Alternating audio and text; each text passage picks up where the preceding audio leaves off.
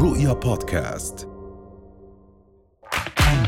أهلا وسهلا فيكم برؤيا بودكاست ترند. كل إشي بتحتاجوا تعرفوه عن آخر أخبار النجوم والمشاهير وأهم ترند صدر لهذا الأسبوع. الجادل القحطاني تهرب للبر بعد طردها من برنامج الصياهد.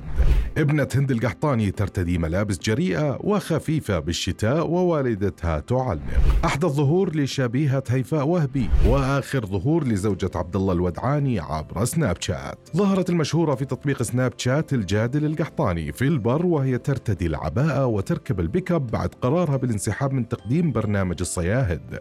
وذلك بناء على رغبة والدها وعدم رضاه على استمرارها في هذا البرنامج حيث أوضحت الجادل القحطاني أن والدها أخبرها بأن سكرها مرتفع وهو غير راضي عن استمرارها في تقديم البرنامج ودفع حب الجادل واحترامها وتقديرها لوالدها للتوقف عن العمل بالبرنامج. عليك بالخير. وعلى زملائك الإعلاميين وضيوفك نقاد المجلس الكرام وعلى الجمهور ومتابعين من خلف الشاشات. الله يسلمك. القفاري اسم له بصمة في مجال الإبل.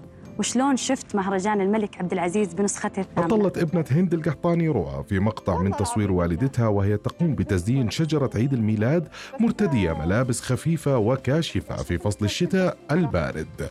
وقالت هند القحطاني لبنتها وهي خايفة عليها من البرد مو برد. والله العظيم إن البيت كويس مو مرة بارد. بس أشوف لو إنك تلبسين بعد.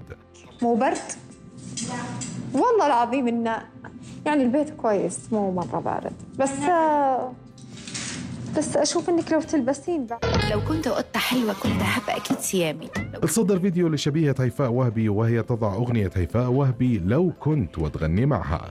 لكن المثير للجدل هو أن شبيهة هيفاء وهبي هذه المرة مجهولة فلم يتم الكشف عن اسمها الحقيقي ولا جنسيتها. وأخيرا نشرت أريج الحميري زوجة المشهور على وسائل التواصل الاجتماعي عبد الله الودعاني صورة جديدة لنفسها دون كشف وجهها.